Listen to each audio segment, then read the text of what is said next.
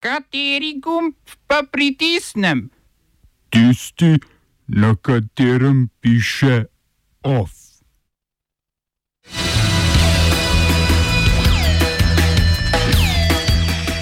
Pogovori o rešitvi konflikta v Gorskem Karabahu še brez rezultatov. Nagrado Saharov Evropski parlament letos podeli v beloruski opoziciji.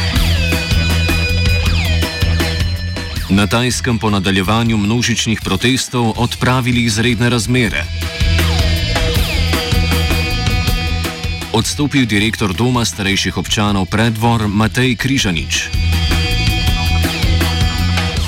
V kulturnih novicah ali ima Kitajska ministrstvo za kulturo?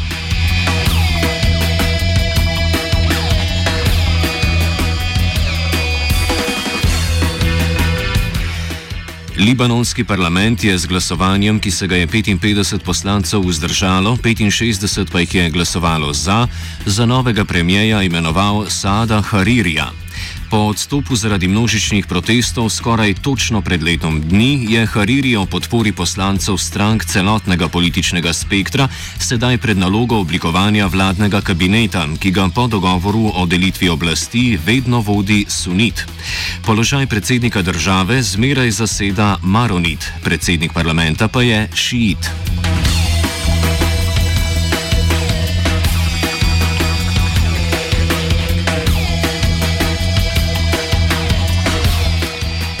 V Moskvi so potekali pogovori o rešitvi konflikta v Gorskem Karabahu. Z ruskim zunanjim ministrom Sergejem Lavrovom sta se ločeno sešla armenski in azerbejdžanski zunanji minister Zohrab Ncakanjan in Jejhun Bajramov. A na vidiku ni še niti trajnega začasnega dogovora, saj je armenski premijer Nikol Pašinjan v sporočilu na družbenem omrežju Facebook zapisal, da konflikt nima in še dolgo ne bo imel diplomatske rešitve. O tem pričata dve prekinitvi ognja, ki so ju sklenili do sedaj, a sta komaj kaj zmanjšali medsebojno obstreljevanje. Po, Moskvi, po Moskvi bosta Cakanjan in Bajramov v petek obiskala Washington, kjer se bosta ponovno ločeno srečala z ameriškim zunanjim ministrom Mikeom Pompeom. Gorski Karabah leži znotraj meja Azerbejdžana in je mednarodno prepoznan kot del azerbejdžanske države, v njem pa živi večinsko armensko prebivalstvo. V najhujših spopadih na tem ozemlju od leta 1994, ko sta sprti državi dosegli premirje, je do sedaj umrlo že več kot 800 ljudi.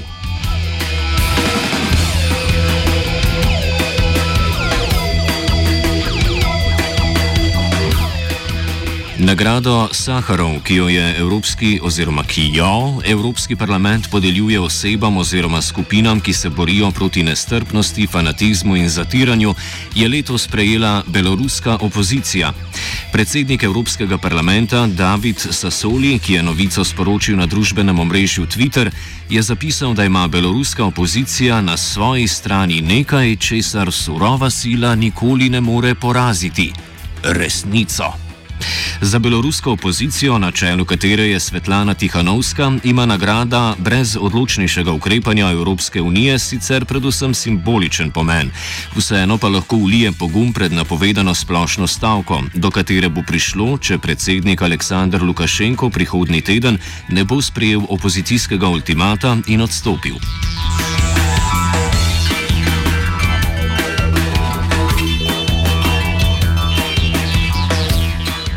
Tajski premijer Prajut Čan Oča je po nadaljevanju množičnih protestov preklical odlog, s katerim je prejšnji teden v državi razglasil izredne razmere. Te so sedaj odpravljene, tako da zbiranje več kot petih oseb hkrati in širjenje novic, ki bi lahko spodkopale državno varnost, nista več prepovedani. Sprejem odloka o uvedbi izrednih razmer se je izkazal za izjemno kontraproduktivnega, saj so se že dalj časa trajajoči protesti še zaostrili. Njegova odprava pa nikakor ni pomirila protestnikov, ki še naprej zahtevajo premijev odstop in spremembo ustave. Prajut, nekdani poveljnik vojske, je oblast leta 2014 prevzel z vojaškim udarom. Lani pa je zmagal na volitvah, ki so potekale po ustavi, ki jo je leta 2017 spisal Narodni svet za mir in red pod vodstvom vojaške hunte. V ponedeljek bo tajski parlament zasedal na dvodnevni izredni seji, na kateri bo obravnaval zahteve protestnikov, ki jih lahko povzamemo kot reformo monarhije. V državi, kjer kralja Maha Vaira Longkorna pred kritikami ščiti celo poseben zakon o razžalitvi, gre za radikalne in predtem redko slišane pozive. Do konca oktobra so na Tajskem sicer še vedno veljavi izredne razmere, ki jih je vlada sprejela zaradi pandemije novega koronavirusa.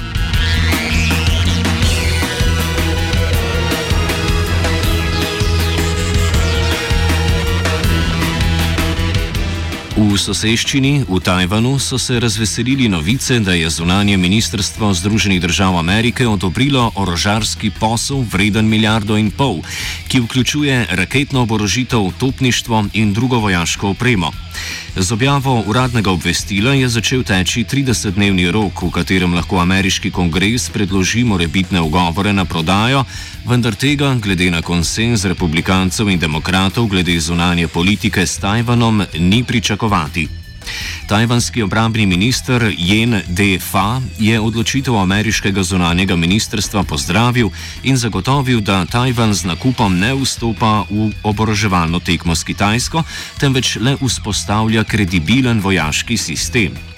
Združene države Amerike z nameravano prodajo utrjujejo svoj vpliv v regiji, kjer svojo prisotnost manifestirajo tudi z rednim plutjem v Južno-Kitajskem morju.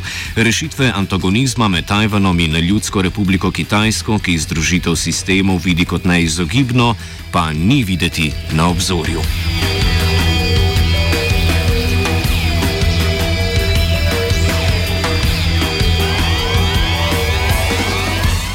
Ostajamo v burnih vodah.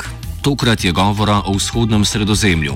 Turška mornarica je sporočila, da bo ladja Oruč Rejs s sondiranjem morskih tal nadaljevala do torka, namesto do četrtka, v vodah vzhodnega sredozemlja, natančneje jugovzhodno od grškega otoka Rodos, pa bosta še naprej pluli tudi oskrbovalni ladji Ataman in Čengis Han.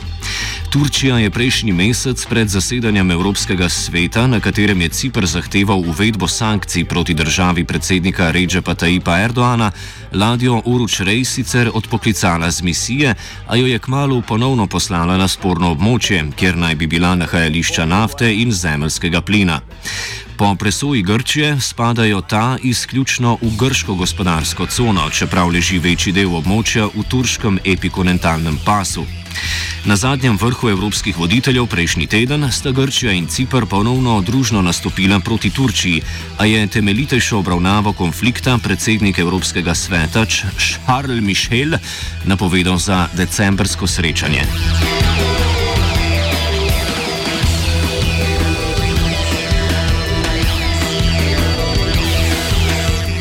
Ameriško farmacevtsko podjetje Purdue Pharma je v okviru izvansodne poravnave priznalo krivdo v tožbi, ki jo je sprožilo ameriško pravosodno ministrstvo glede prodaje opioida Oxycontin.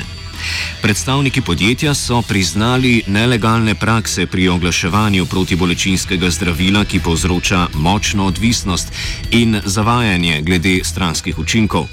Pristali so na plačilo kazni v višini 7 milijard evrov. Lastniki podjetja, družina Sakler, je sicer lani poslala podjetje v stečajni postopek, s čimer so se zaščitili pred še večjimi odškodninami. Podjetje je namreč tarča številnih tožb zaradi soodgovornosti za epidemijo odvisnosti od opijatov, zaradi katere je v ZDA, odkar je na trgu Oxycontin, umrlo 400 tisoč ljudi. Oba, če, če bom odgovoril na angliški. Uh, uh, Slovenija bo poskušala pomagati. Slovenija bo naredila naš utmost, da bo rekla, da je situacija naš problem, naš sebe. In bomo naredili nadaljnje korake, as soon as the conditions are. Bomo vlado Marjana Cererja, Marjana Cererja Šarca podprli. Zelo, zelo resno. Slovenija. Vemo, kako in bomo. Direktor Doma starejših občanov Predvor Matej Križanič je po 16 mesecih vodenja nepreklicno odstopil skupaj s pomočnikom direktorja, vodjo zdravstvene nege, vodjo finančno-računovodske službe in dvema medicinskima sestrama. Kot so zapisali v skupni odstopni izjavi, ne zmorejo več delati v okolju, ki onemogoča strokovno delo. Nadalje so zapisali še: citiramo. Enostavno ne vidimo več smisla ustrajati na poti, ki bi vsem ohranila stanje tako, kot je, saj to stanje po smernicah stroke, kar zopet dokazuje ugotovitev socialne inšpekcije, nikakor ni dobro za kakovost bivanja in varnost naših stanovalcev. Konec citata.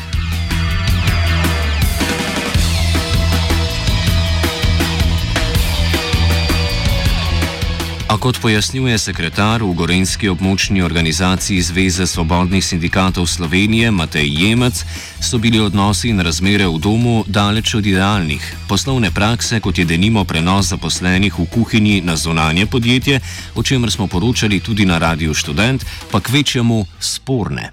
Začelo se vse skupaj že lansko leto poleti, ko je dobro nastopil gospod Križanic po nekaj mesecih se je spravil na našo sindikalistko Suzano Dodič, jo začel šikanirati, mobbingirati, dokler nažalost ni več zdržala pritiskov in dala nekje februarja letos odpoved.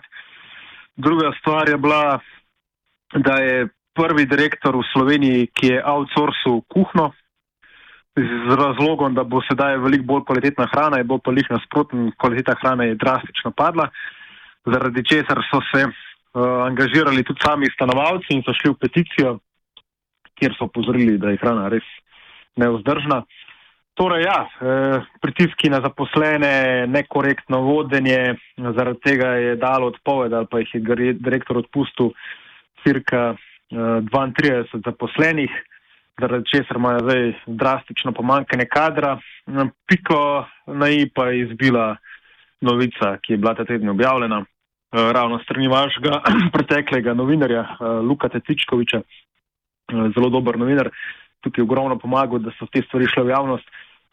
Ko je prišlo do tega, da je en izmed stanovalcev pretepal so stanovalko, ker je bil pač brez nadzora. In očitno je bila kapla čez robo vseh nepravilnosti,